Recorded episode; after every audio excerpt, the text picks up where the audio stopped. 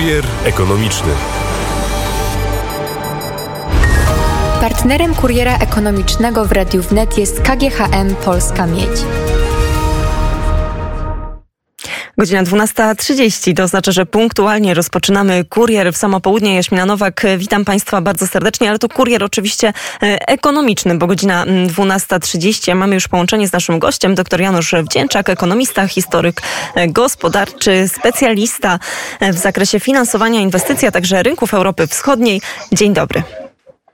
Witam pani redaktor, witam szanownych państwo, jak zwykle z, ze słonecznej Łodzi.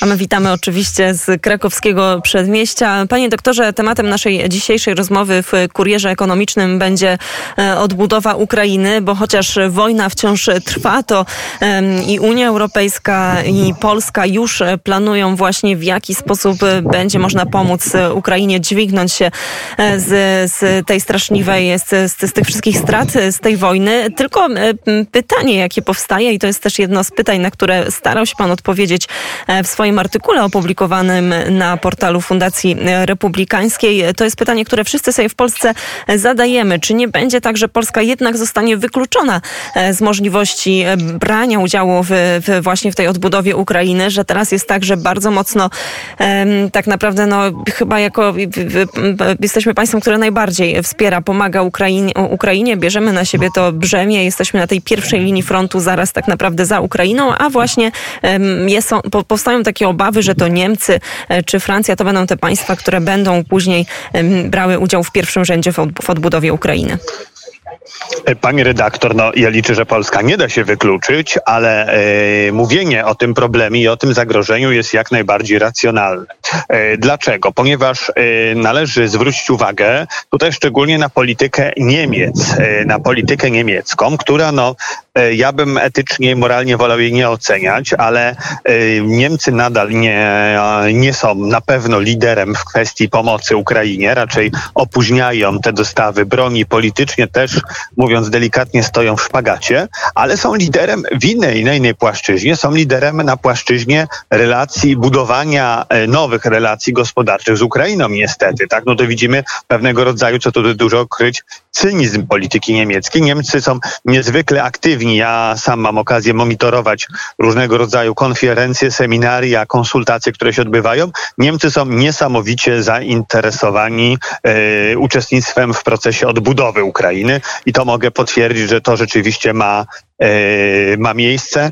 No właśnie, a jednocześnie, przepraszam, że wejdę. Tak, tak, tak, przepraszam, tak, że wejdę panu w słowo, ale jednocześnie to przecież e, Niemcy tak naprawdę najbardziej w Unii Europejskiej oponowali za tym, aby, mm, aby wstrzymać te, e, no może nie, nie, nie wstrzymać pieniądze na, na odbudowę Ukrainy, ale aby nie zadłużać Unii Europejskiej na rzecz Ukrainy. E, zdecydowanie, ale ta e, niechęć do zadłużania, pani redaktor, szanowni państwo, nie obejmuje niechęci do pozyskiwania zamówień dla firm niemieckich, tak? E, po, poza tym pani na to zwróciła uwagę, ale bym jeszcze dalej poszedł. Oczywiście Niemcy byli przez wiele lat takim patronem polityki łagodnej wobec Rosji. Teraz Rosja zaatakowała Ukrainę i zniszczyła jej olbrzymią, znaczy olbrzymich zniszczeń tam dokonała, teraz firmy niemieckie chcą przy tym odbudowie e, działać, ale myślę, że pani redaktor, tutaj właśnie warto przejść właśnie od emocji do takiej pragmatycznej polityki, ponieważ polityka niemiecka, co by nie powiedzieć, i dyplomacja gospodarcza jest e, niemiecka e, niezwykle pragmatyczna. I dlatego powinniśmy zdecydowanie myśleć, i to nie tylko my jako Polska, również kraje z regionu, jak na przykład Rumunia, Litwa, Łotwa, Estonia, aby od tych właśnie braterstwa, prawie braterstwa broni z Ukrainą, przejść do współpracy gospodarczej, bo mm, wszyscy myślę jako korzystając z naszych doświadczeń, prawie tak instynktownie kojarzymy, że my będziemy pomagać, a potem wejmy, wejdą firmy niemieckie i przejmą te zamówienia. Więc musimy się tutaj wykazać niestety zimną krwią, e, pragmatyzmem i zacząć budować e, e, polskie, właśnie tutaj polską, polską można powiedzieć, no, że nie ekspansję, tak, ale współpracę gospodarczą. no bo nikt na, że tak powiem, na nasze same hasła, na, na same nasze szloganie do nas żal nie będzie reagował. To nie będzie tak, że firmy niemieckie powiedzą, ok, nie weźmiemy tych zamówień tylko dlatego, bo Polacy więcej pomagali, tak? E, trzeba na tym pracować, ale widzimy, że rząd polski tutaj pewne kroki już podjął e, w kwestii właśnie nawiązania porozumień gospodarczych z Ukrainą, z rządem ukraińskim. No właśnie, to może jeszcze o tych porozumieniach, e, coś konkretnego mhm. powiemy za moment, ale jeszcze zanim, panie mhm. doktorze, skoro pan wspomniał o tym pragmatyzmie, no to też pytanie, w jaki sposób powinniśmy to zrobić? Czy w, w tej budowie, mm, mm, odbudowie Ukrainy powinny uczestniczyć wielkie koncerny, czy może raczej małe firmy i średnie, a skoro takie firmy, to raczej one też nie mają doświadczenia mm, w ekspansji zagranicznej. O tym też pan pisze w swoim raporcie. Pani redaktor, tak. Y, zanim odpowiemy na pytanie jak, to też warto odpowiedzieć na pytanie, przepraszam, jakiś alarm się włączył, na pytanie kiedy, pani redaktor, szanowni państwo. Y, warto zacząć o tym myśleć już, ponieważ Niemcy, y, przynajmniej według moich obserwacji, pracę nad odbudową Ukrainy zaczęli w drugim tygodniu wojny, szanowni państwo, czy przygotowania, tak? A my się, być może wielu tych przedsiębiorców czeka, a jak się wojna skończy, to zobaczymy. Więc zacznijmy ten nasz pragmatyzm rozwijać już teraz, tak? Czyli nie czekajmy poczekajmy, aż wojna się skończy, yy, zacznijmy te przygotowania już, zacznijmy pracę wcześniej, nie zostawiamy to na ostatnią chwilę. Yy, a co do samych firm, powinny brać w, po, w tymi zarówno duże firmy, duże koncerny, także firmy państwowe, jak i małe i średnie firmy. Oczywiście wiele nie ma doświadczeń, część ma, ale proszę pamiętać, że łatwiej będzie wejść na rynek ukraińskim polskim firmom niż na przykład na rynek szwedzki, tak, albo na rynek, nie wiem, yy, brazylijski. Więc jest, tu są, jest, mamy tutaj bliskość kulturową, nie mamy takich yy, zapór, takich barier wejścia kapitałowych, tak, no nie jest jakoś specjalnie daleko, nie jest to, mówię, inny kontynent, mamy bliskość kulturową, mamy pewnego rodzaju bliskość instytucjonalną, więc jeżeli nasze firmy mają gdzieś wejść, to właśnie na Ukrainę. No właśnie, i tutaj jest jeszcze jeden bardzo ważny aspekt, y, o którym również y, pan y, pisze, czyli nie tylko ta kwestia odbudowy infrastruktury, uczestniczenia w tym polskich małych czy średnich firm, ale też kwestia pewnego know-how, czyli tego doświadczenia, która Polska jako też, no można powiedzieć, kraj, który, który był państwem satelitarnym względem Rosji przez wiele lat, który tak naprawdę, no, były takie momenty w naszej przeszłości, że nasza gospodarka była dużo słabsza słabsza od ukraińskiej, prawda? Jednak zostaliśmy mhm, przyjęci tak. do Unii Europejskiej, bardzo mocno się rozwinęliśmy i to jest też pewne doświadczenie, które my możemy Ukrainie przekazać. W, w zupełnie inaczej jest właśnie z Niemcami e, czy, czy, czy z innymi państwami Europy Zachodniej. E, jak najbardziej, tylko że y, powtórzę, no niestety y, korporacjom, z, y, znaczy firmom może z Niemiec, Francji, to nie będzie przeszkadzać. Oni na początku będą mieli problemy, ale oni sobie wynajmą doradców, tak, e, tłumaczy, pośredników, lobbystów i będą tam działali. My oczywiście z powodów i geograficznych, historycznych, o których pani powiedziała, mamy taką premię na początku, no ale problem jest tym, że jej nie wykorzystaliśmy. Na przykład ja jestem e, dość często, przed pandemią jeździłem, współpracowałem naukowo z, z Gruzją, tak, i często odwiedzałem ten kraj, gdzie Polacy mają niesamowity y, dobry odbiór i to już y, od tak. czasów wyprawy Lecha Kaczyńskiego do Tbilisi. Y, no a nawet wcześniej też mieliśmy w miarę dobre relacje historyczne i tam Polacy są bardzo lubianym narodem, no ale biznes polski w Gruzji niezbyt się rozwija, tak. My to próbowaliśmy troszeczkę przełamywać, rozwijać i znam dość dużo przedsiębiorców, którzy tam działają i z kilkoma współpracowałem w charakterze doradcy ale powiem szczerze, no jest tym, e, jest tym problem, więc powinniśmy no e, naprawdę e, zrozumieć, że mamy misję i mam, musimy to rozwijać i to też, szanowni państwo, to nie jest żaden polski nacjonalizm, żaden właśnie tutaj, żaden nawet nacjonalizm gospodarczy, ponieważ Polska inwestująca na Ukrainie to jest gwarancja bezpieczeństwa dla Polski, dla Ukrainy, tak? Bo jeżeli Putin powiedzmy znowu by zdecydował się zaatakować Ukrainę, no to pytanie, jak zachowa się kapitał niemiecki, który po 24 lutego, no Niemcy straciły trochę wiarygodności, prawda? Więc musimy pamiętać, że tutaj nie realizujemy tylko polskich celów ekonomicznych mm, i nie jest to żadna ekspansja, tylko to jest właśnie rozwój e, współpracy gospodarczej, która przełoży się także na stabilizację polityczną i e, stabilizację bezpieczeństwa w tej części Europy.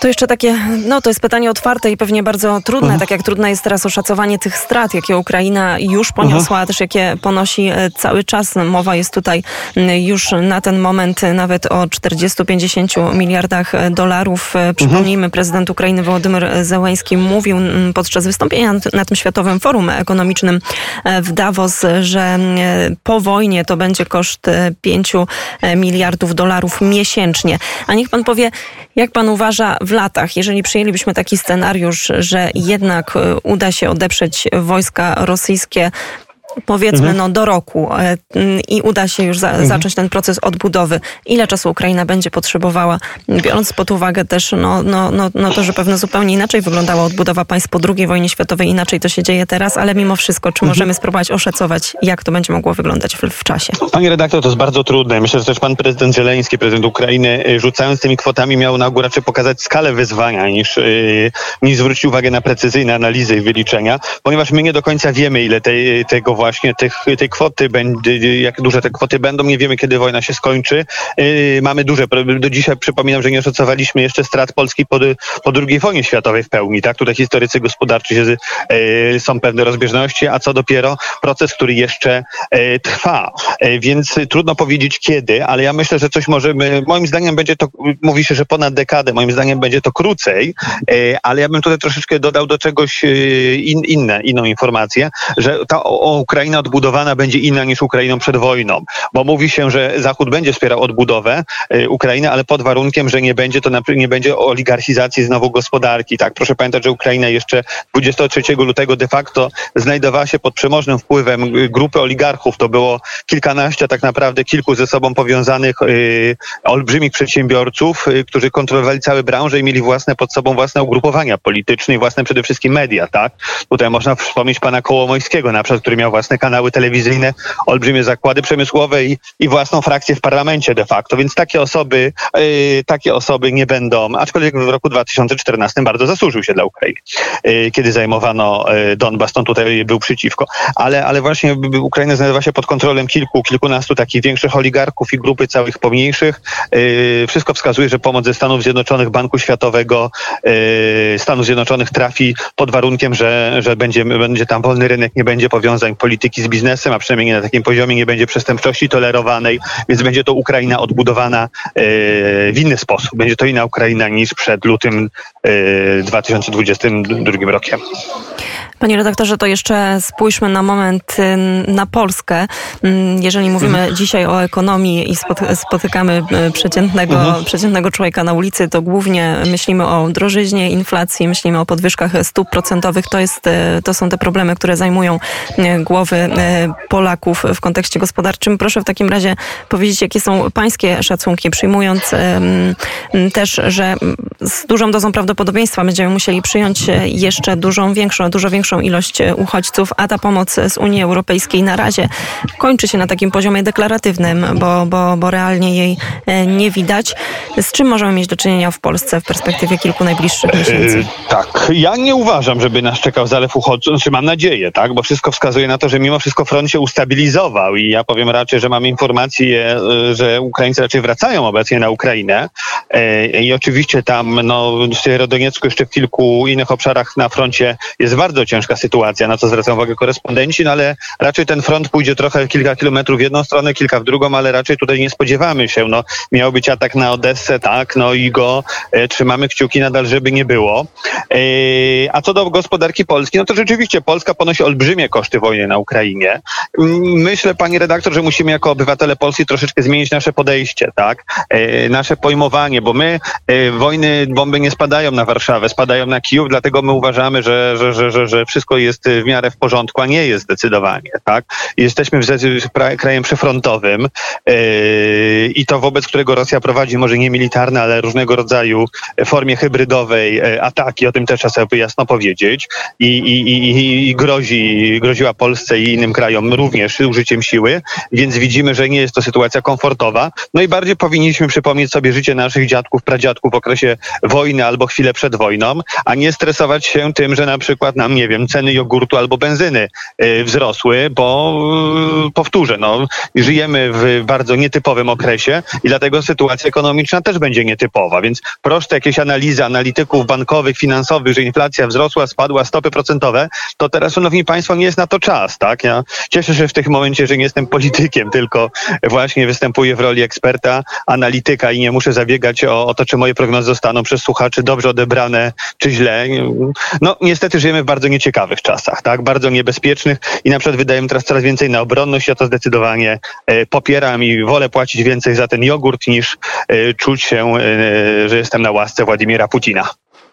To prawda, tylko jeszcze pozostaje też e, pytanie, jak dużo osób jest e, takiego samego zdania jak pan doktor i jak dużo osób i jak długo e, ludzie będą w stanie też, też to wytrzymać. No mhm. bo Polska też nie ma tak naprawdę doświadczenia w zarządzaniu tak dużymi kryzysami migracyjnymi, z jakimi teraz mamy do czynienia. Już jest duży problem w wielu tak naprawdę miastach w Polsce z wypłacaniem chociażby tych 40 zł, które miały być tak. dodatkiem dla, dla, dla osób, które przyjęły pod swój dach Ukraińców. No i to mhm widać, że to właśnie po tych trzech miesiącach, kiedy bardzo cieszyliśmy się z tego, że faktycznie nie trzeba tworzyć tych obozów e, migracyjnych że dla, tak. dla uchodźców, a, a już teraz to jest realny problem i wiele osób no, czuje się też e, po prostu oszukanych, bo była obietnica, były deklaracje, by, by, by, by, była też taka radość, że udaje się jakoś ten kryzys opanować, a, mm, a tych pieniędzy jednak e, nie ma w części miast.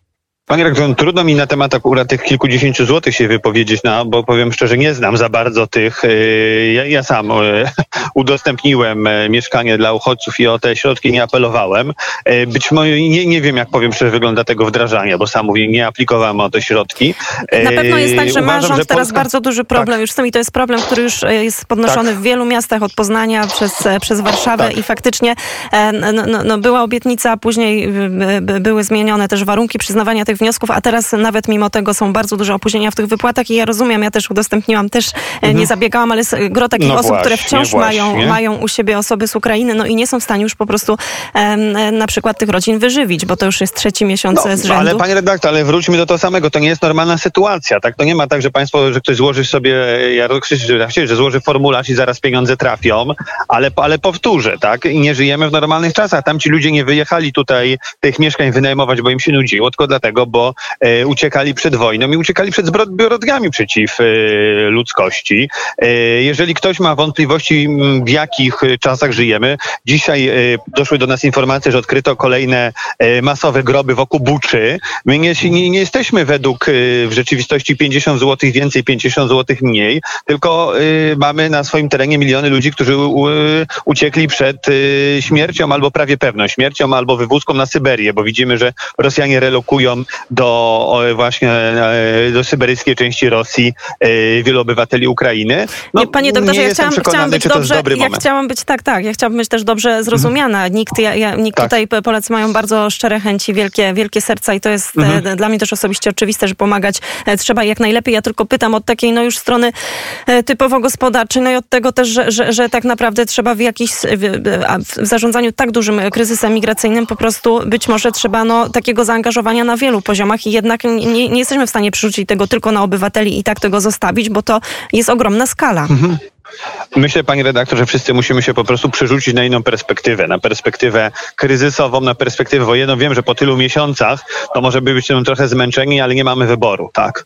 Powtórzę, nie mamy wyboru yy, i to w ogóle nie jest kwestia ekonomiczna i dlatego bym się wolał na ten temat szerzej nie wypowiadać, ponieważ yy, ekonomia to się odnosi do relacji, że tak powiem, bardziej w cywilizowany sposób, obecnie za pomocą wolnego rynku, a to jest obecnie zarządzanie kryzysowe. Ja jestem przekonany, że te pieniądze trafią w końcu, tak? Że one zostały tutaj zagwarantowane ustawą. Yy, być może są jakieś opóźnienia wynikające z problemami z płynnością na, na, na jakimś niższym szczeblu, tak? Ale powtórzę, no, no, no to nie, nie możemy tak się domagać, jak nie wiem, jak wypłaty 500 plus czy dopłat na paliwo rolnicze, tak, że od razu wpłynie, tylko yy, nie ma to. I musimy się niestety, szanowni państwo, pani redaktor, przygotować, że tego typu problemów będzie więcej, bo yy, Rosja Putina yy, nie zamierza się za bardzo uspokoić, a patrząc na reakcję Europy Zachodniej, no to, która, która nie dąży do zapewnienia yy, nowego ładu yy, w zakresie bezpieczeństwa, no, widzimy, że takich kryzysów może być więcej, tak, związanych z Chinami, które są dalej, ale które mogą się odbić na gospodarce yy, no przepraszam, tak, ale powtórzę, nie jestem politykiem, mogę sobie pozwolić na